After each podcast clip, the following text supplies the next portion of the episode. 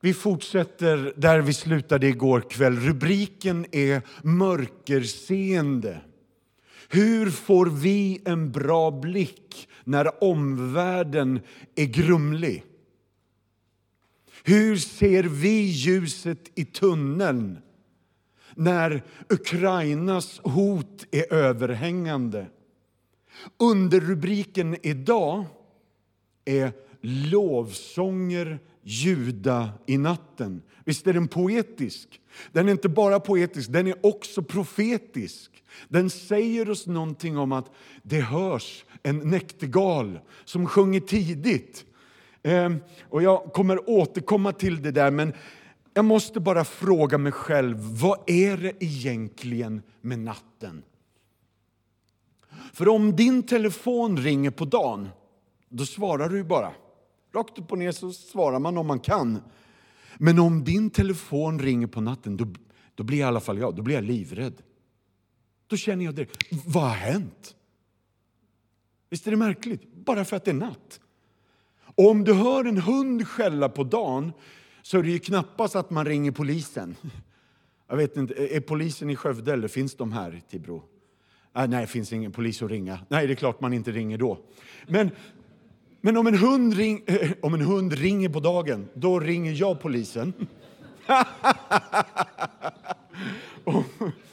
Men om en hund inte slutar skälla på natten, då anar man ju oråd, eller hur? Om en ambulans kör förbi mig på dagen, nu avslöjar jag lite hur ofrom jag är, så tänker jag, åh vad högt det är. Men min fru, hon är mycket kristnare än jag, hon börjar be. Jesus välsigna de ambulansförarna, hjälp dem att köra tryggt och säkert. Och om de har någon där i så är det någon som har en liknande fru som jag? Jag ser att det är flera som börjar nicka. Underbart! Gud välsigne era fruar. Alltså. Vi behöver fler såna. I alla fall i min familj. Nej, inte, inte fler fruar. Äh. Ja. Jag, jag tar lite Pepsi, det blev inget bra alls. Mm. Och här då, nu avslöjar jag mitt öckerö-problem. Om mopedkillarna kör på dagen så kan jag tänka mig att stå ut. Men om de håller på och börnar hela natten då, då blir jag riktigt eh, okristen. Säger fula saker och tänker onda tankar om både dem och deras usla föräldrar som inte tar... Ja, ja, ni hör ju, jag, jag terapeutar mig själv här bara idag. Så om mopedkillarna kör på natten så händer något annat med mig. Och så här skulle vi kunna fortsätta. Det finns en författare som heter Elie Wiesel som har skrivit en bok om sin tid i Auschwitz.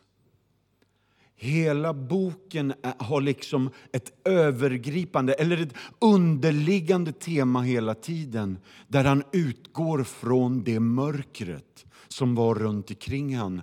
Och han liksom bestämde sig för att allt detta till trots, och det här är ju provocerande, för ett sånt mörker som han målar upp i boken har jag aldrig någonsin varit med om. Så när jag, tio år gammal, första gången åker till Polen och träffar fader Blasnicki som är katolsk präst och som har några siffror brännmärkta på armbågen så känner ju jag att nej men, det här mörkret kan man ju inte ta sig ur. Alltså, se ljuset i tunneln eller tänk positivt eller happy thoughts. Det, det räcker ju inte inför det. Så därför måste vi ha ett hållbarare hopp. En fastare förankring, ett mörkerseende som inte bara är happy-clappy och glada tankar. Och Det är därför vi hela helgen har sagt det finns glädje bortom graven och en framtid full av sång. Så när min pappa dog i mitt tycke för tidigt eller när min producent, vår bästa vän, min frus arbetskamrat, det är samma person jag pratar om, Emanuel Sandgren, 32 år gammal, dog alldeles för tidigt. Efter bara några månader så var det bara över. Och att då leda lovsång på hans begravning och hans nyblivna änka kommer fram först med den nyfödda lilla August som bara är tio dagar gammal. Han fick ju inte ens se sin son. Alltså, vi var ju fullständigt över oss givna och känner det här är inte all right. Var, Gud, visa oss ljuset i tunneln. Låt lovsången ljuda över oss i natten som det gjorde över Elie Wiesel, det som gjorde att han orkade igenom. Ni hör ju vart jag är på väg. Det här är en av de första bibelböckerna som någonsin skrevs. Jobs bok är 42 riktigt svåra, märkliga, beklämmande och smärtsamma kapitel. Och vi ska ärligt säga att Jobs kompisar kommer med usla råd, allihop. Alltså de är buddister och zenbuddister och de är hinduister och de är ateister och de skyller på jobb. Hela gänget är åt skogen. Men Job själv har redan en grundtanke i kapitel 1 som jag vill att vi tar med oss nu. Då. Jobb 1, och vers 20-22. Då reste sig Jobb, rev sönder sin mantel, rakade sitt huvud, föll ner på marken och tillbad. Och han sa, naken kommer jag ur min moders liv och naken ska jag återvända dit. Herren gav och Herren tog. Lovat är Herrens namn. Alltså det här är ju, det här är ju häpnadsväckande provokation. Alltså när våran yngsta dotter Ester, 12 år gammal, Alltså, hon, hon förlorade all vikt, eh, 12 kilo på en månad. Och hon var liten att börja med, så i, i oktober så är det inget kvar. Hjärtat slår oregelbundet och vi blir inskrivna på Östra sjukhuset i flera månader innan det vänder. Jag tyckte att vi hade haft det lite jobbigt redan innan. Men det var ingenting mot den här natten som Broder Jobb visade sig vara en av mina bästa kompisar i. En sån att hålla sig i, alltså en, en mast eller en livlina eller ett ankare som håller fast en när man upplever att botten fullständigt går ur livet. På fullaste allvar förstod jag för första gången när Mose säger Gud, jag vet att du är arg på dem, jag vet att du vill utsläcka dem, men kan vi göra så här? Ta mig istället. Den bad jag varje dag i, i, i flera månader. Och, och, att, och att han i det läget faller ner på marken och tillber och säger märkliga saker som Herren gav, Herren tog. Jag, jag vet inte ens vilken teologi det är. Och att han sen säger lovat är Herrens namn. Det känns ju antingen som galenskap eller så är det så att han har hittat något. Han har fått tag på någonting. Han har hittat liksom en, ett själens ankare som han liksom bara grabbar sig tag i. En, han liksom surrar sig själv runt masten och bara, nu får du hålla för allt annat äh, säga, flyter. Habakuk, bara tre kapitel. En deppig kille som borde fått medicin utskriven mycket tidigare. De tre kapitlerna avslutar med att han säger Fåren är inte i follan, skörden slår fel, grödorna har gått åt skogen. Och Herren, Herren är min starkhet och min lovsång, han blev mig till frälsning. Och bara, vad, vad hände där? Och igår pratade vi om Sadrak, Mesak och Avednego som sjöng lovsång i den brinnande ugnen. Jag är med när Mose och vad heter hon, syster Miriam när de sjunger eh, lovsång därför att Gud har räddat dem ut ur Röda havet. Alltså, jag tycker att det är tidigt av Habakuk att sjunga lovsång innan skörden har slått rätt, innan fåren är i follan, innan frukten är på träden. Han sjunger tidigt. Jobs första kapitel avslöjar hur det kommer att sluta. Att han kommer att finna någon slags tröst i Gud. Inte i alla vänners olika märkliga och usla råd utan trösten blir att Gud igenom allt, får vi ändå säga, är trofast. Problemet är bara att det är 42 kapitel i Jobs bok. Men lyssna nu då, i kapitel 19 säger Job så här. Jag vet min förlossare lever. En dag ska jag se honom sån som han är. Om än min kropp förgås och mitt kött går i tu med min, mitt jag vill jag lova honom nu. Och jag känner bara, nej men Historien upprepar sig. Vi skulle kunna fortsätta. Vi pratade igår om Matteus 26 och vers 30. Hur Jesus i natten efter, inte efter Getsemane, vad heter det? Efter övre Salem, på väg till Getsemane, så sjöng han lovsången. Och texten säger, det var natt. Det var natt. Riktigt mörkt. Så vi ser att Bibelns, vad ska vi säga, lovsångstrendsättare. Inte ute efter att vi alltid ska komma på gudstjänst och sjunga happy clappy-sånger i dur och sjunga för varandra, jag gläder mig i dig, utan att vi bara utgjuter våra hjärtan och våra liv och säger, Herre, det här är vad vi har, varken mer eller mindre, bättre eller sämre. Det här är de vi är. Så Jobb 30, vers 26. Men när jag sökte det goda kom det onda, när jag väntade på ljus kom mörker. Men lyssna nu då, Jobb 35 och 10. Men ingen frågar, var är Gud som har skapat mig? Han som låter lovsånger ljuda i natten. Där hade vi det. För att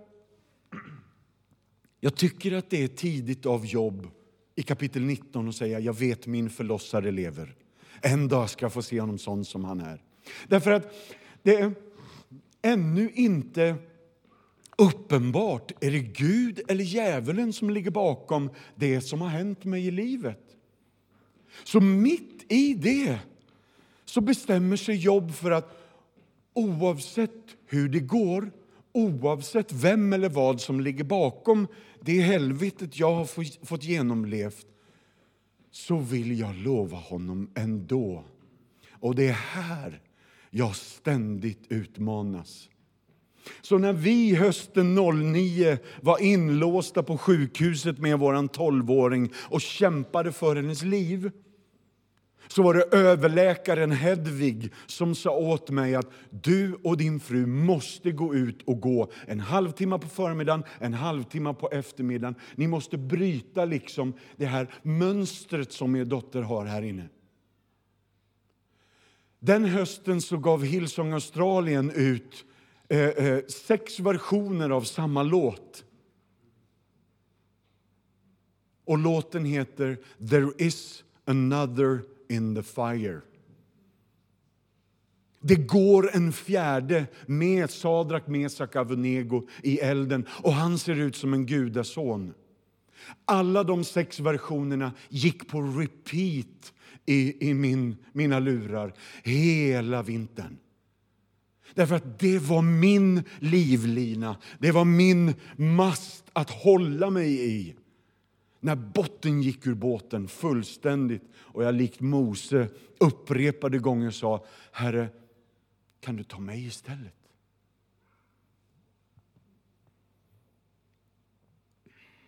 I hela Bibeln ser vi att tillbedjan växer fram i mörka och i synnerligen svåra omständigheter. Hela Saltaren är skriven med både och-perspektivet. Den skrevs i smärta, hjärtesorg och lidande. Paulus skriver Filipperbrevet i fångenskap, men temat för hela Filipperbrevet är glädje. Ha, den du, såg man inte riktigt komma när man sitter fjättrad vid en romersk soldat, både i hand och i fotled. Johannes skrev Uppenbarelseboken i exil på helvetesön Patmos, alltså dåtidens Alcatraz. Men hela målet med Uppenbarelseboken är seger. Den du, ser man inte riktigt komma. Alltså, om, om bara några månader kommer vi fira Lucia. Bara ha i baktanken, vad är grejen med det? Att när det är som mörkast, innan solen har gått upp. Alltså våra ungdomar i kyrkan har ju kört Lucia-tåg för oss. De, de går ju upp liksom vid två, tre tiden på, på morgonen. Alltså det är då jag går och lägger mig. Eh, då, då kliver de upp och sen så mitt i natten så kommer det någon och knackar och lyser upp hela huset och de sjunger där i ärlighetens namn. Speciellt killarna, de brummar mest. Men så innerligt att Lucia kommer med ljus. Det är hela målet. Och jag hörde att ni ska ha någon sån där ljus, Grej. i oktober. 19 oktober. Bra. Ah, jag måste bläddra vidare.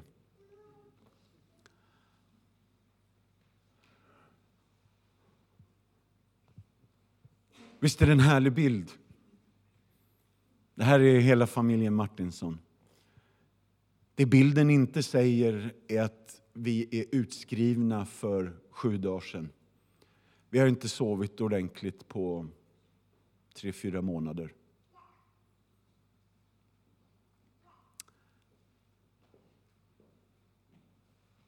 Lovat vare Herrens namn. Igenom allt trots allt och ändå. Lyssna här på Charles Spurgeon, en väckelsepredikant från London. Vilken dåre som helst kan ju sjunga på dagen. Det är lätt att sjunga när vi kan läsa noterna i dagsljus. Men den skickliga sångaren är den som kan sjunga när det inte finns en ljusstråle att läsa vid. Sången i natten kommer bara från Gud den föds inte ur mänsklig makt. Det är bra, Spurgeon. Så du och jag behöver inte med självpepp pumpa upp oss. Utan du och jag behöver helt enkelt gå tillbaka till såna här texter som min mammas syster skickade oss den hösten. Och jag jag har ju läst det här varenda, varenda jul. Så Jesaja 9, vers 1 och 2, men det ska inte vara nattsvart mörker där ångest nu råder. Förr i tiden lät han Sebulons och Naftalis land vara föraktat, men i kommande dagar ska han ge ära åt trakten längs havsvägen, landet på andra sidan Jordan, hedna folkens Galilé. Det folk som vandrar i mörkret ska se ett stort ljus. Över dem som bor i dödsskuggans land ska ljuset stråla fram. Alltså helt plötsligt blev en sån klassisk julvers och man, man hör ju nästan julsångerna och liksom ackorden och stämningen. Bara, uh, sådär. Allt det där dök upp, men också här landar vi. Här får vi fäste, här får vi botten. Här på något sätt placeras vi i en verklighet eh, som faktiskt tryggar och tröstar oss. Jag måste se hur jag ska ta mig igenom det här, för nu ser jag att klockan springer ifrån oss. Jag tror ni ska få se en karta snart. Ja, tjena. Den kommer snart, jag lovar. Där! Här har vi Filippi. En stad som eh, ruinerna finns kvar. Är det någon som har varit där uppe med en hand? Nej, dit måste ni åka hörni, säger Herren och jag. Det här är den gamla porten från havet när man kommer in i Filippi. Här kommer Paulus och Silas gående in och in till på högersidan så ser ni Areopagen. Min brorsa och jag gjorde en enkel överskattning och trodde kanske 4 500 sittplatser, men det är långt över 5 000 sittplatser. Och står du längst ner i mitten så hörs du till sista bänk. Och här är lilla porten in till Stortorget entrén in i staden Filippi som nu ligger i ruiner. Och På Stora torget ligger det mest gravstenar nu därför att det har blivit en romersk gravplats. Men här blev Paulus och Silas pryglade i Apostlagärningarna 16 utan rättegång eh, och fängslade mitt i natten. Men innan det så blir de ju liksom bemötta av den här Lydia hon som säljer purpurtyger ifrån Mellanöstern. Hon som är en jetset-kvinna på toppen av sin karriär som säljer de dyraste kläderna i hela romarriket. Som alla romare är synnerligen intresserade av att köpa av henne. Och här någonstans på stor inte på marknadsplatsen så sålde Lydia sina tyger, det vet vi. Ja, här fick ni en plats. Jag vet det är toaletterna. Jag ville ändå bara visa dem. Och här kan ni få se en bild på några amerikanare som sitter. Det var 50 toer bredvid varandra. Så att vi behöver inte fördjupa oss i det. Här är dopplatsen där Lydia låter döpa sig. Här är dopplatsen där fångvaktaren senare på natten låter döpa sig. Så Lydia fångvaktaren. Och kommer ni ihåg den här slavflickan med, som blir befriad från någon demon? Lyssna nu då. Det är de tre första församlingsplanterarna i Europa.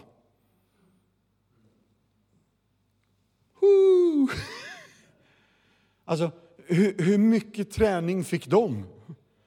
Hur, hur, hur enade var de i, i kultur? Alltså Lydia kommer från Teatira. Slavflickan är, är nog, liksom, hör på att säga, eh, vad, vad heter det? Hon har kommit till landet via trafficking.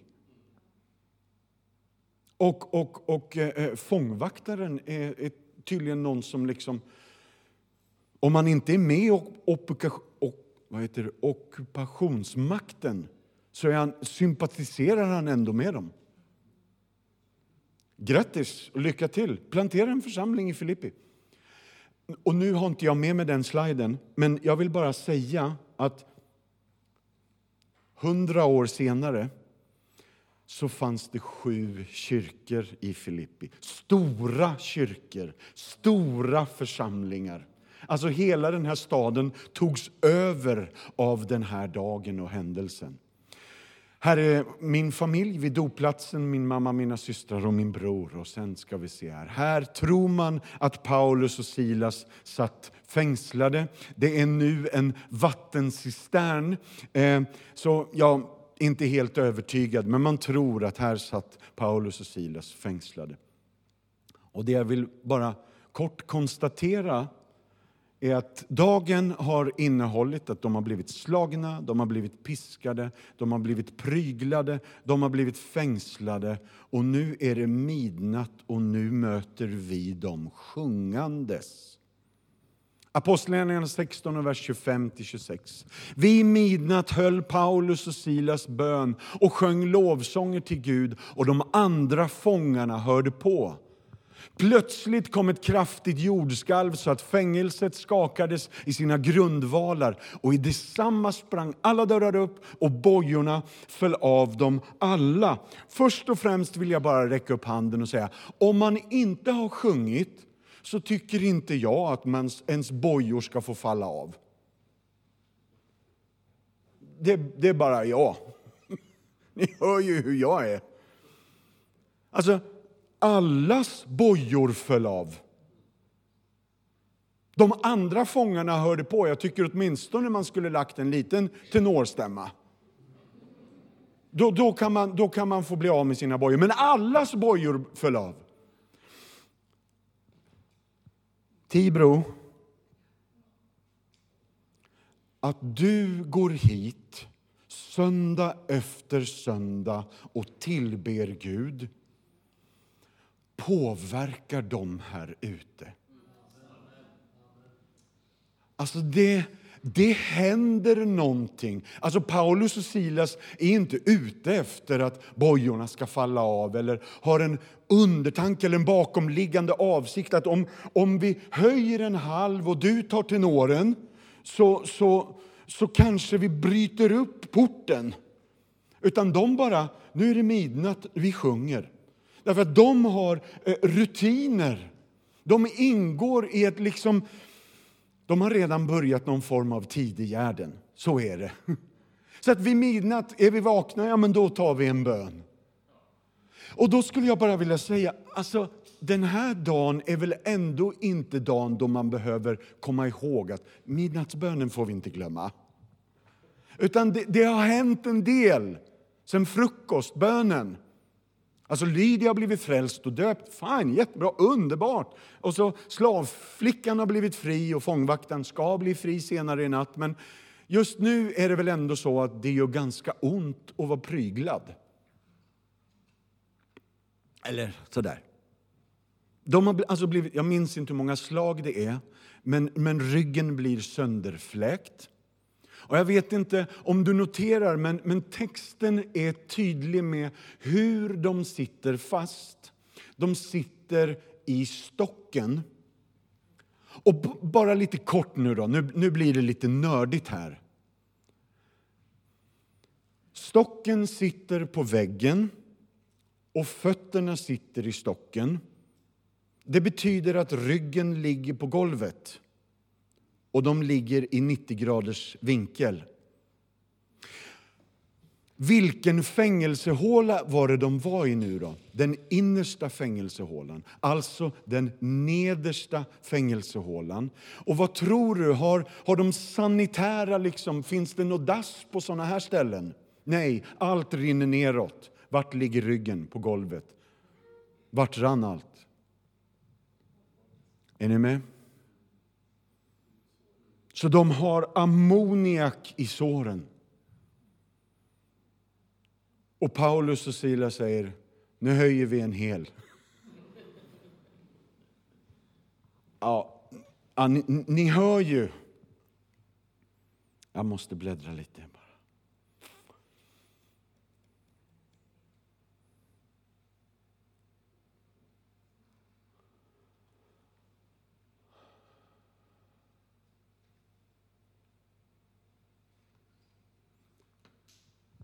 Vart är vi på väg, har vi frågat oss hela helgen. Jesaja 30, vers 29.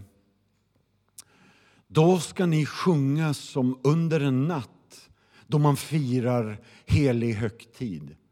Era hjärtan ska glädja sig som när man under flöjtspel tågade upp på Herrens berg upp till Israels klippa. Jesaja 45 och 3.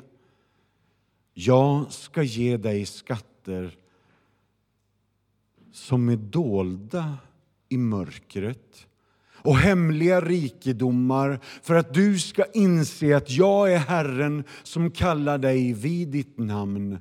Jag är Israels Gud. Jag vet inte om ni känner till en predikant som heter Rick Warren.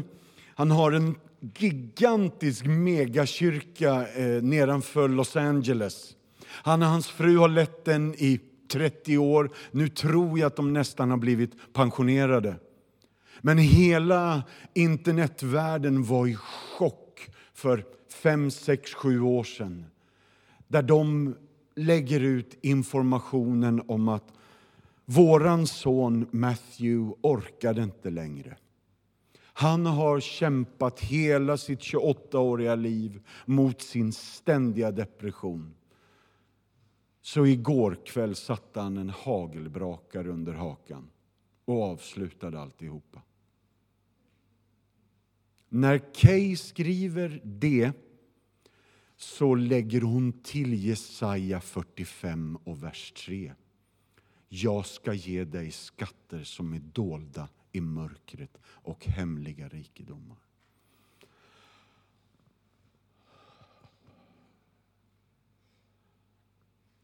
Alltså att de delade sin sorg med hela kyrkan. Att de delade sina frågor och sin smärta på ledarkonferensen i London när Alfa bjöd in dem för några år sedan. Att de var öppenhjärtliga med hur smärtsamt var inte det här. Men allt detta till trots så har Gud på något märkligt sätt visat sig vara trofast igenom alltihop. Och att tron höll överhuvudtaget. Att det gick, att det fanns bärkraft.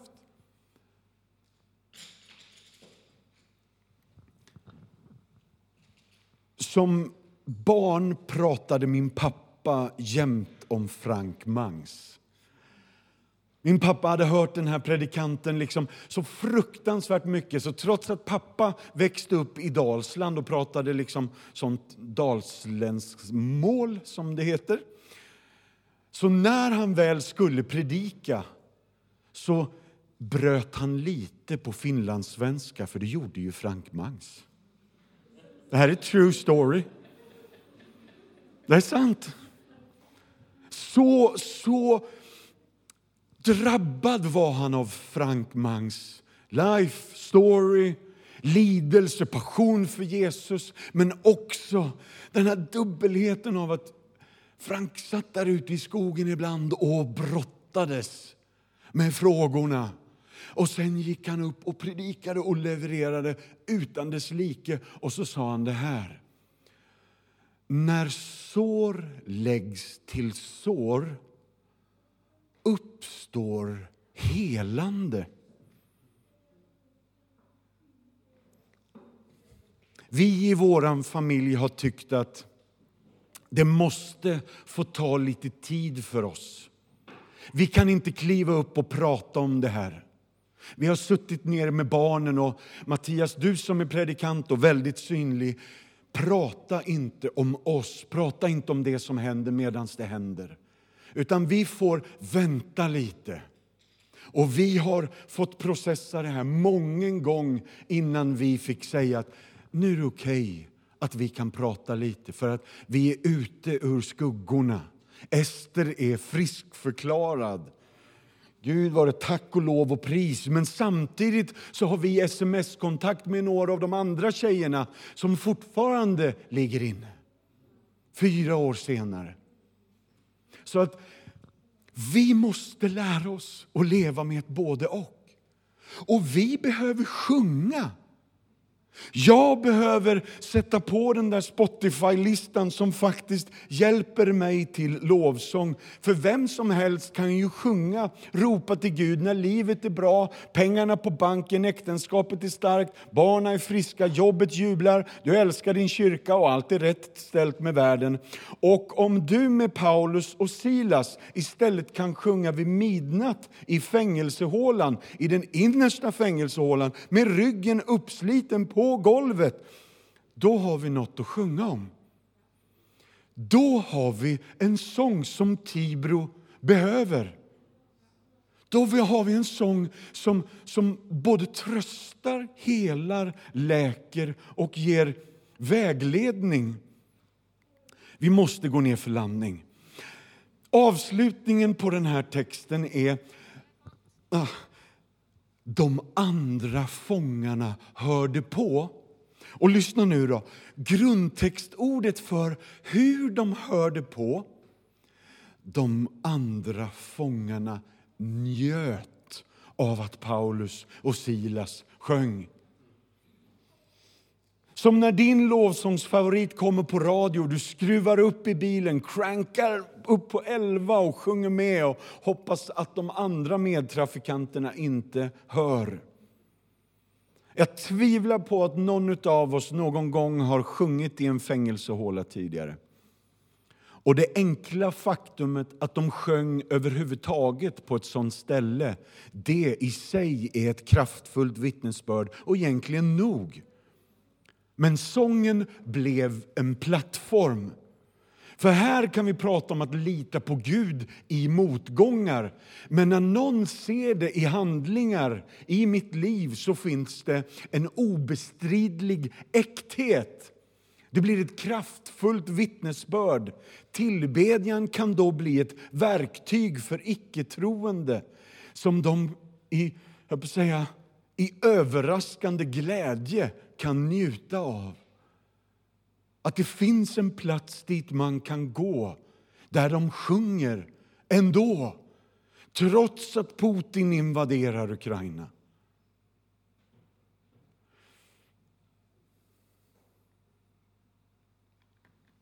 Vart är vi på väg?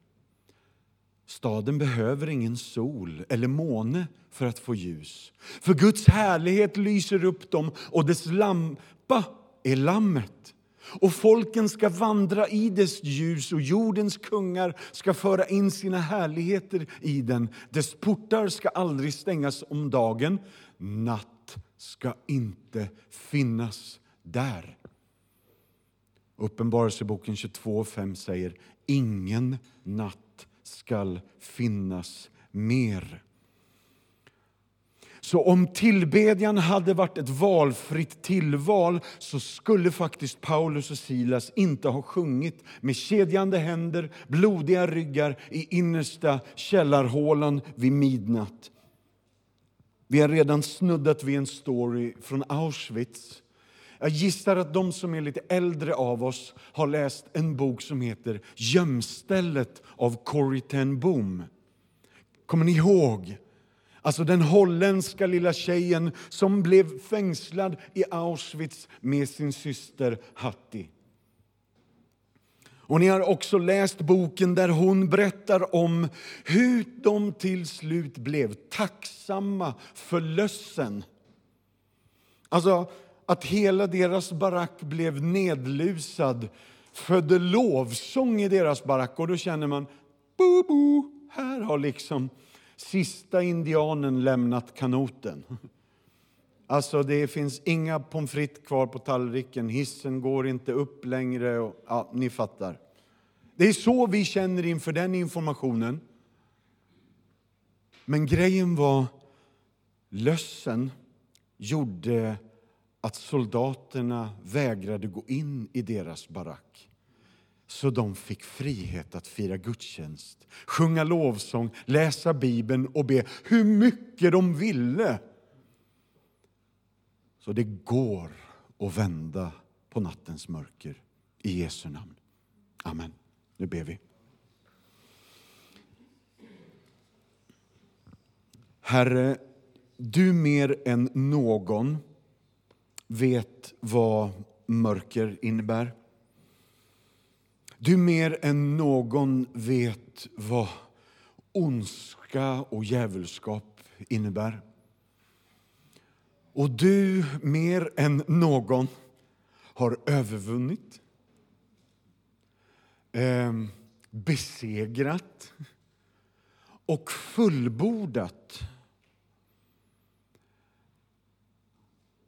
Fräls oss ifrån ondo. Kom till oss där vi är. Vaka över oss som vi har det just nu. Vårda om oss så att vi inte med vår kristna tro förnekar mörkret eller förminskar mörkret utan att vi bara välkomnar dig, inbjuder dig, lov sjunger dig, lovprisar dig, tillber dig. Men inte med en mask, eller en fasad eller en yta. Eller... Utan hjälp oss att i djupet av vår själ hitta sången i den svarta natten. Herre, du som lät lovsången ljuda i natten i Jobs situation. Hjälp oss att kunna slå armkrok med jobb och säga jag vet min förlossare lever. En dag ska jag få se honom sån som han är. Om än min kropp förgås så förtärs mitt inre av längtan. Jesus Kristus, vi längtar efter dig och vill inget hellre än att ditt rike, din lovsång ska få påverka Tibro. Så Herre, vi sjunger inte bara för oss själva här i rummet. Och vi sjunger för dig och då gör du någonting.